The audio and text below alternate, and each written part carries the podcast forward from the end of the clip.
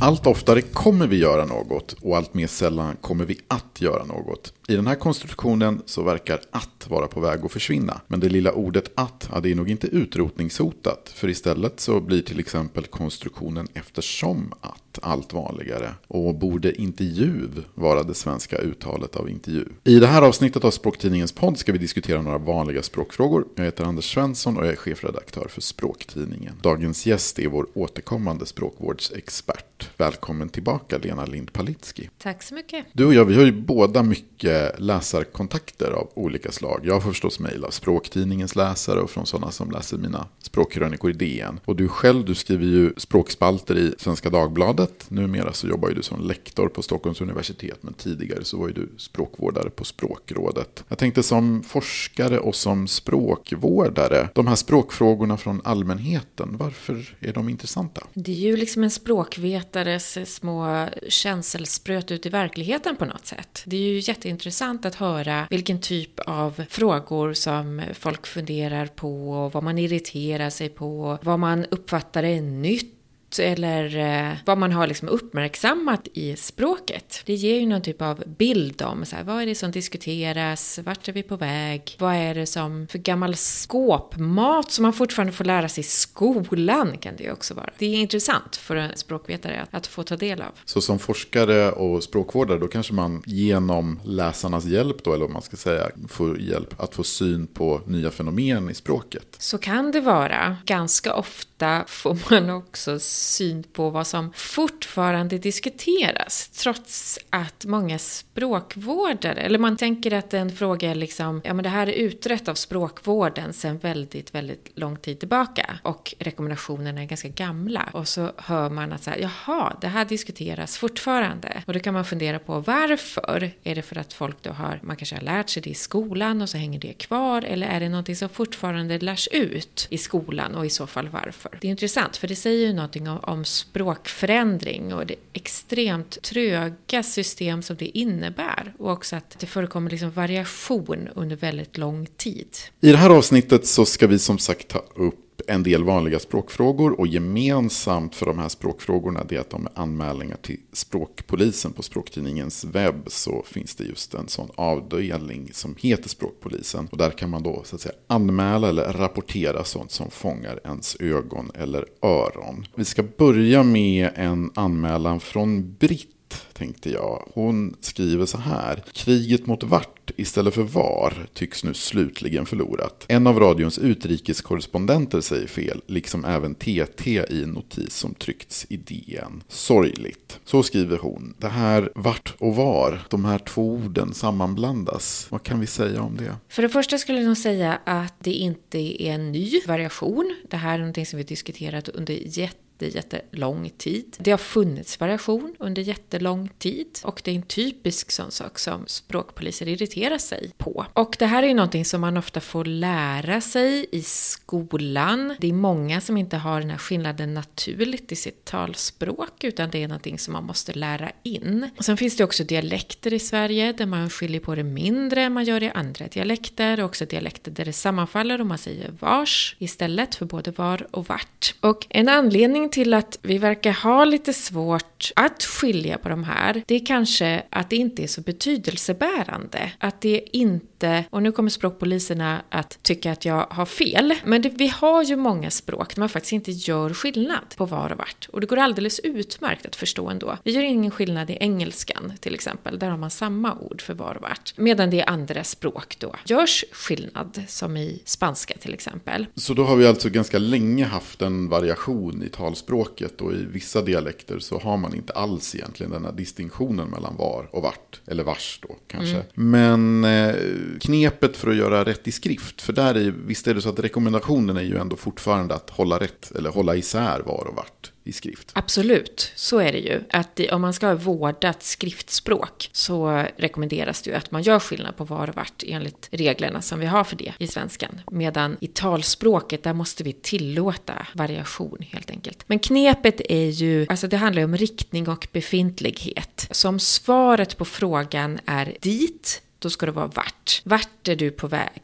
Dit. Om svaret på frågan kan vara där, så ska det vara var. Var är mina nycklar? Där är dina nycklar. Så det är en sån enkel regel som man kan testa med om man är osäker. Och så kanske man nästan kan tänka också att de här frågan och svaret rimmar på varandra. Just det. Var och där, vart och dit. Vart och dit tycker jag rimmar dåligt. Hur tänkte du då? Rim går väl att diskuteras, men sluta på T åtminstone. Ja, absolut. Så är det. Det slutar på den den bokstaven om man har svårt att hålla isär dem. Det här med var och vart, det är ju onekligen lite av en språkfrågeklassiker och nästa tycker jag nog också kan få den stämpeln. Det är Ann-Marie som skriver. Hon säger så här. Det har nog dryftats ett antal gånger i språktidningen men jag tycker att det inte kan tas upp för många gånger. Bortfallet av att efter kommer. Jag har skrivit en liten vers. Det är ju ambitiöst måste man säga. Där jag försöker visa vad jag menar. Den här versen den lyder då så här. Tänk vad man numera kan få höra och även läsa tråkigt nog att människorna kommer göra. Den formen har väl inget fog. Det kommer, talat eller skrivet, som visar framtid. Vad vi skall, det kräver alltid. Det är givet ett litet att i alla fall. Futurums hjälpverb kan ju vara skall, ämnar, tänker, kanske fler, men inte ordet kommer bara. Det kräver alltid något mer. Om människorna bara visste att detta gör mig sjuk och matt, då tog det nog inte miste. Då skrev det nog kommer att. Det är ju stilpoäng för konjunktivformerna här. Om man nu så att säga inte får stilpoäng för kommer att längre i språket så får man ju stilpoäng för konjunktiven här i alla fall tror jag. Men eh, den här kommer att, som sagt, det här är ju en ganska klassisk språkfråga. Hur ser språkvården på att utelämna att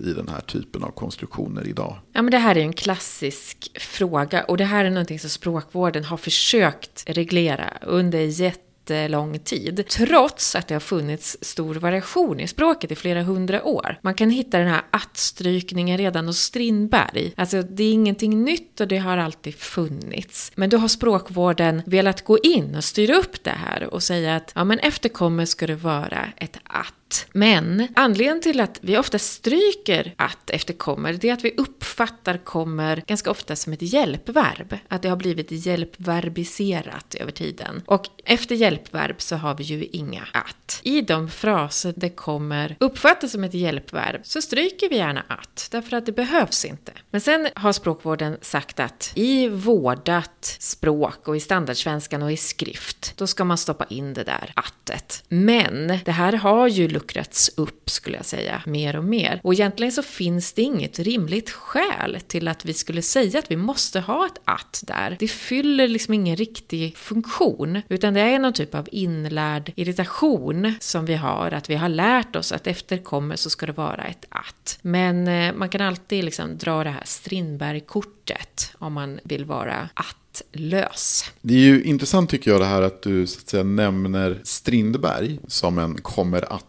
strykare, eller vad vi ska kalla det för. Att att eh, hänvisa till en författare på det här sättet som ju verkligen tillhör Sveriges litteraturkanon. Kan man göra det på det där sättet? Så att säga, som någon slags trumfkort i en språkdiskussion. Funkar det så? Ja, men det skulle jag säga. Att det brukar funka ganska bra som ett argument om man argumenterar med språkpoliser. Att man hänvisar till någon som har hög status och högt anseende och gärna ligger ganska långt tillbaka i tiden. Det går liksom inte att hänvisa till att ja, men Stefan Löfven Löfven säger så, eller det går inte att hänvisa till en nutida språkbrukare. Men att dra liksom Strindberg-kort kortet och, eller hänvisa till bibelöversättningen från 1526. Det brukar funka ganska bra. Och då visar man, då är det dels att säga det här har funnits ganska länge och också det är en auktoritet på något sätt som har det här språkbruket. Ja men precis, och någonting som brukar ses som en språklig förebild, för så är det ju verkligen med Strindberg som har sett som en språklig förebild och bibelöversättningen har sett som en språklig förebild. Så att någon som har högt anseende, liksom hög status när det gäller språket. Vi fortsätter på temat temat att. Ibland då så får jag mejl från, för som sagt det här kommer att, det är ju fortfarande en ganska vanlig språkfråga. Och ibland så får jag mejl från personer som eh, befarar att det stackars lilla ordet att skulle vara på väg att försvinna. Men så är det väl knappast. För nästa fråga den handlar istället om där vi kanske då allt oftare får ett nytt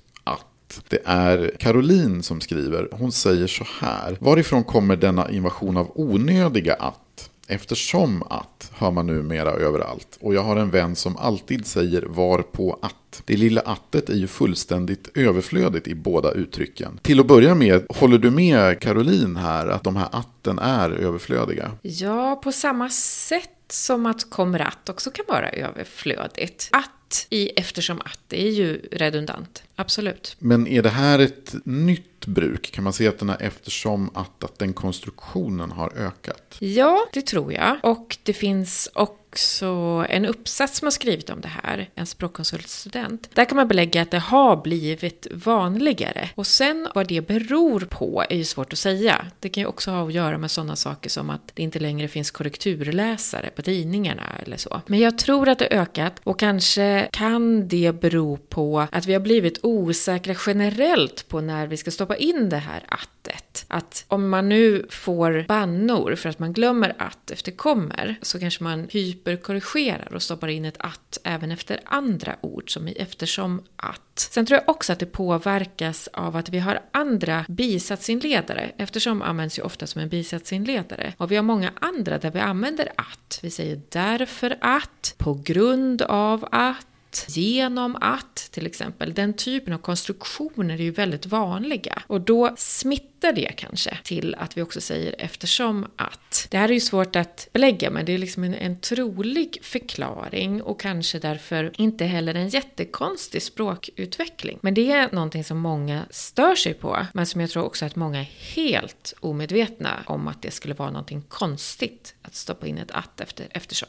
Sen är det Caroline som skriver. Jag vill anmäla de hobbyspråkvetare tillika språkpoliser som gärna klagar på andra särskrivningar men själva brister i kunskap om övriga svenska skrivregler. Om någon skriver fel anmäld, i två ord då, surnar de till men själva skriver de gladeligen 10 000 med punkt mellan 10 och ja, de här tre nollorna istället för 10 000 som det ska vara då utan punkt. 100% utan något mellanslag mellan 100 och procenttecknet och iPhone iPhone med gement i och versalt p medan då språkvården rekommenderar iPhone med versalt i och litet p. Och det här är ju en intressant anmälan tycker jag för det är förstås eh, särskrivningar har ju länge varit någonting som många har irriterat sig på medans jag ser ju sällan att det är i den här typen av ja, Facebookgrupper och sådär där språkfrågor diskuteras så ser jag ju sällan att det är någon som stör sig på att någon inte följer språkvårdens rekommendationer när det gäller iPhone eller 10 000. Vad tror du det här kan bero på? Jag tror att särskrivningar, det är liksom inkörsporten till språkpoliseriet. Sen kan man börja med tyngre grejer som punkter och mellanslag och så. Men särskrivningar är ju väldigt lätta att se. De är väldigt uppmärksammade. Det är liksom det lätt lättaste att lära sig att störa sig på i språket, helt enkelt. Det andra är ju mer, vad ska man säga, finlir, som också många utbildade språkvetare eller så slår upp i svenska skrivregler när de korrekturläser och man har inte alla de här liksom, skrivreglerna i huvudet och så där. Och de som hon tar upp här, Caroline, att det ska vara mellanslag mellan 100 och procenttecknet till exempel. Det är ju en konvention som rekommenderas i till exempel svenska skrivregler men som du inte kan använda i till exempel Excel, för då funkar det inte som det ska med formlerna. Så där måste vi göra lite olika och så. Och det är ju just en skrivteknisk fråga, medan särskrivningar kan ju vara någonting annat. Det kan ändra betydelse och det har med andra nivåer i språket att göra än de här bara rent tekniska konventionerna som vi har kommit överens om. Jag hoppas att Caroline tar det här med en, en klackspark nu, men det jag tänker är att vissa som klagar på personer som särskriver gör ju det och lite klappar dem på huvudet. Här skulle man ju då nästan kunna säga att när Caroline på det här sättet anmärker på språkpoliser som anmärker på särskrivningar är det lite som att hon klappar dem på huvudet också. Mm, det är lite så.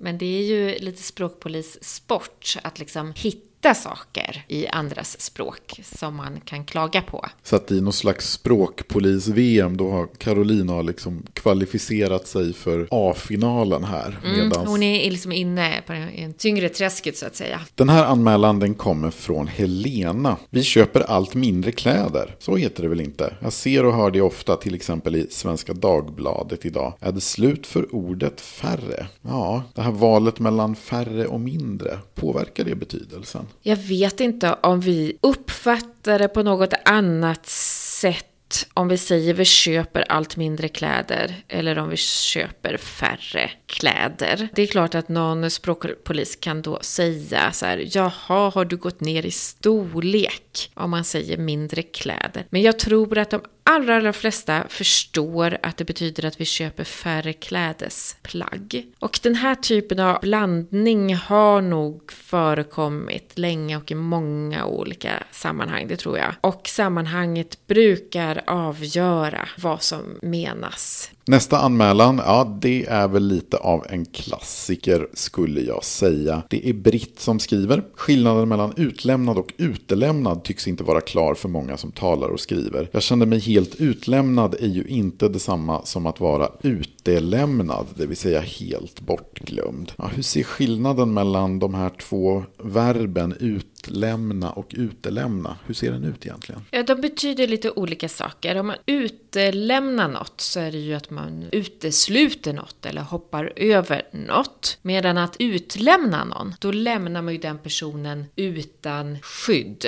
Hon stod där helt utlämnad åt massmedia eller så. Så att de betyder ju olika saker. De blandas ofta ihop. Ganska ofta så framgår det av sammanhanget vad det betyder. Det är lätt att blanda ihop dem för det är bara ett litet, litet e som skiljer dem åt. Men de betyder olika saker. Vi går vidare till en anmälan från Erik. Nyligen kunde vi i Svenska Dagbladet i en artikel signerad TT läsa citat militär fortsatte med sina flygbombningar av Gaza under minuterna som följde tillkännagivandet. Erik kommenterar det så här. Det förvånar mig att TT använder denna överkompensatoriska form. TT var i min ungdom ett föredöme vad gäller precis och korrekt språkbehandling. Vad är det som är så besvärande med under minuterna som följde? Själv så tycker jag att man ser ju och kanske framförallt hör det här ganska ofta. Men eh, hur ska vi se på de här två varianterna? Minuter och minutrar. Det korrekta är ju att det heter minuterna och inte minutrar. Och det beror ju på att grundformen är minut. På samma sätt som kan jämföra ett ord som debut. Så heter det liksom flera debuter och debuterna. Men jag tror att vi ganska ofta tänker på minut, alltså att vi tänker att grundformen är minuter. Och då skulle det korrekta vara att säga minutrar. I andra typer av ord som har att göra med måttenheter, som till exempel meter, där heter det ju inte en met, utan där heter det en meter. Så det är grundformen en annan. Där förekommer metrar. Man kan visserligen då säga flera meter, det är också korrekt, men metrar är inte heller fel. Det liksom faller in i det böjningsmönstret. Och då tror jag att det blir en typ av sammanblandning i den här typen av mängdord. Så jag tror att det är det som händer och att det väldigt lätt blir då att man blandar ihop det.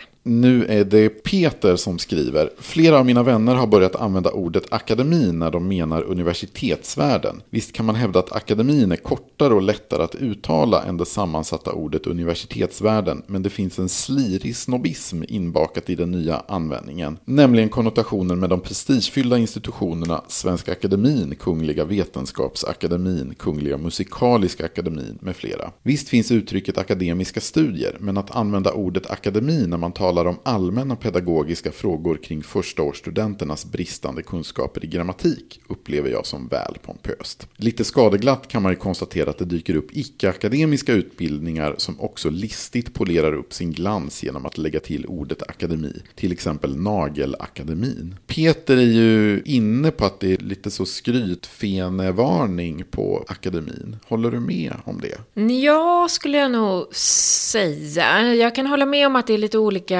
stilnivåer om man jämför med universitetsvärlden som Peter är inne på. Att det har liksom en, mer, en lägre stilnivå än vad akademin har. Samtidigt så är det här ett ord som har använts på det här sättet under lång tid och finns upptaget i ordböckerna och, och så vidare. Så det är ju inget konstigt att det liksom syftar på den här högre undervisningsinstitutionen som man då kallar för akademin. Och vi har det i många ord, liksom vi har akademiska studier och, och så vidare. Att vi använder det i många sammanhang sammanhang. Och kanske har det brett ut sig det här liksom väldigt allmänna, att vi säger så här, men inom akademin gör vi så här, och så menar vi på universitetet gör vi på det här sättet. Och då kanske det snarare då handlar om stilnivå. Men det här med att det har brett ut sig och att man säger liksom nagelack akademin eller att förskolor har namnet akademi eller har akademi i namnet. Det tror jag har brett ut sig. Och där kanske det är snarare i den här betydelsen att det är liksom att akademi kan vara någon typ av samfund med uppgift att liksom främja vetenskaplig eller konstnärlig verksamhet som i Svenska Akademin eller Konstnärsakademin eller någonting sånt. Och att man då pratar om Nagelakademin. Och där kanske man liksom vill snylta lite på det här anseendet som de här akademierna har. Men jag tänker också att det kan komma från engelskan. Att jag uppfattar att det är vanligare att man döper saker till, jag vet inte om det finns liksom, The Nail Academy på engelska. Men att det liksom är liksom vanligare i skolnamn. Då kanske det har att göra med hela friskolereformen. Och det finns ju en jättestor koncern som heter Academedia till exempel. Men det är ju i den här betydelsen universitet så är ju ordet akademi, det är belagt sedan 1593. Så det är ju verkligen ingenting nytt. Men jag tror ändå att Peter är liksom någonting på spåren här, att det liksom brer ut sig och att man vill snylta på det här anseendet. Men en spaning som jag inte kan belägga och som jag inte heller riktigt har undersökt, det är ju att man kanske har lånat in det här just i namnen från engelskan. Känns väldigt amerikanskt. Men det kanske någon lyssnare har någon åsikt om eller kan verifiera. De kanske har varit på en akademi och lärt sig om akademin. Mm, precis. Nästa anmälan är ju också Också en sån här lite språkriktighets snedstreck språkpolisklassiker skulle jag säga. Det är Lars som skriver intervju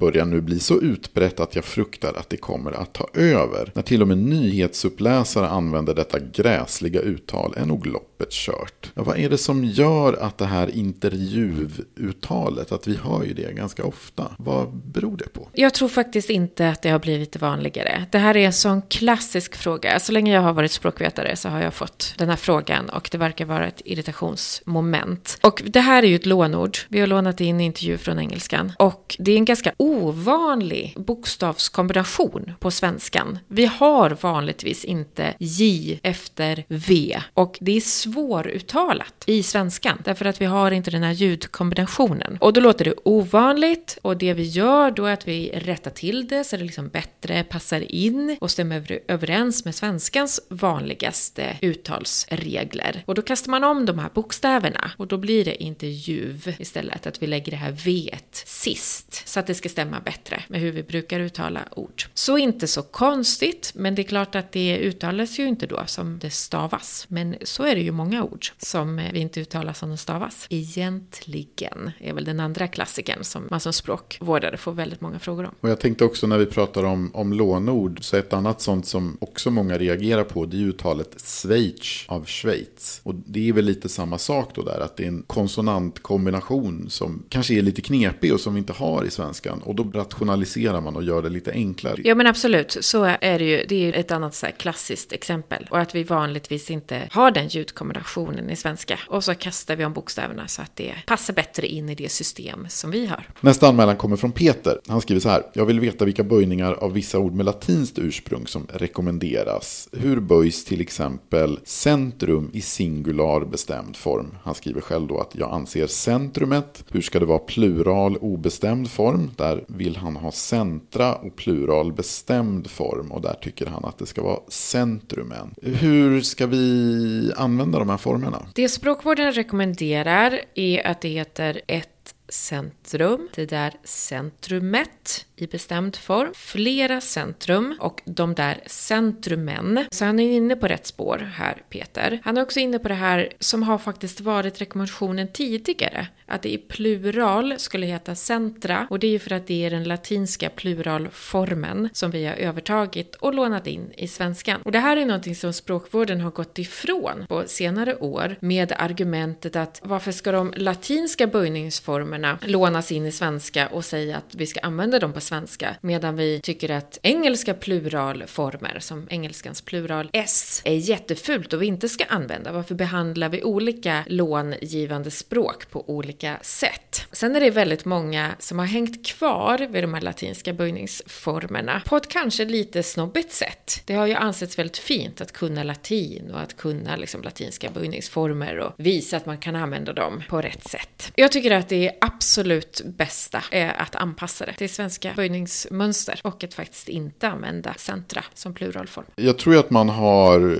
kunnat ha lite så stilat lite med att veta eller med att kunna säga till exempel ett schema, flera schemata. Absolut. En cello, flera celli mm. och sådär. Men jag tänkte också det ändå Peter är inne på, han, han säger då plural obestämd form där han då ville ha centra. Och som sagt den rekommendationen har ju funnits tidigare men har ändrats. Jag tycker ändå att det finns en viss logik i att ha pluralformen centrum. För att han vill ju själv ha den bestämda pluralformen centrumen. Det blir ju lättare i Peters resonemang därför att han vill ha centrumen som bestämd form plural. Då blir det ju liksom ologiskt att rekommendera centra i obestämd form plural. Då är det ju bättre att ha centrum. Ja, för annars får man kanske centrarna i den bestämda pluralformen och det känns ju lite fel.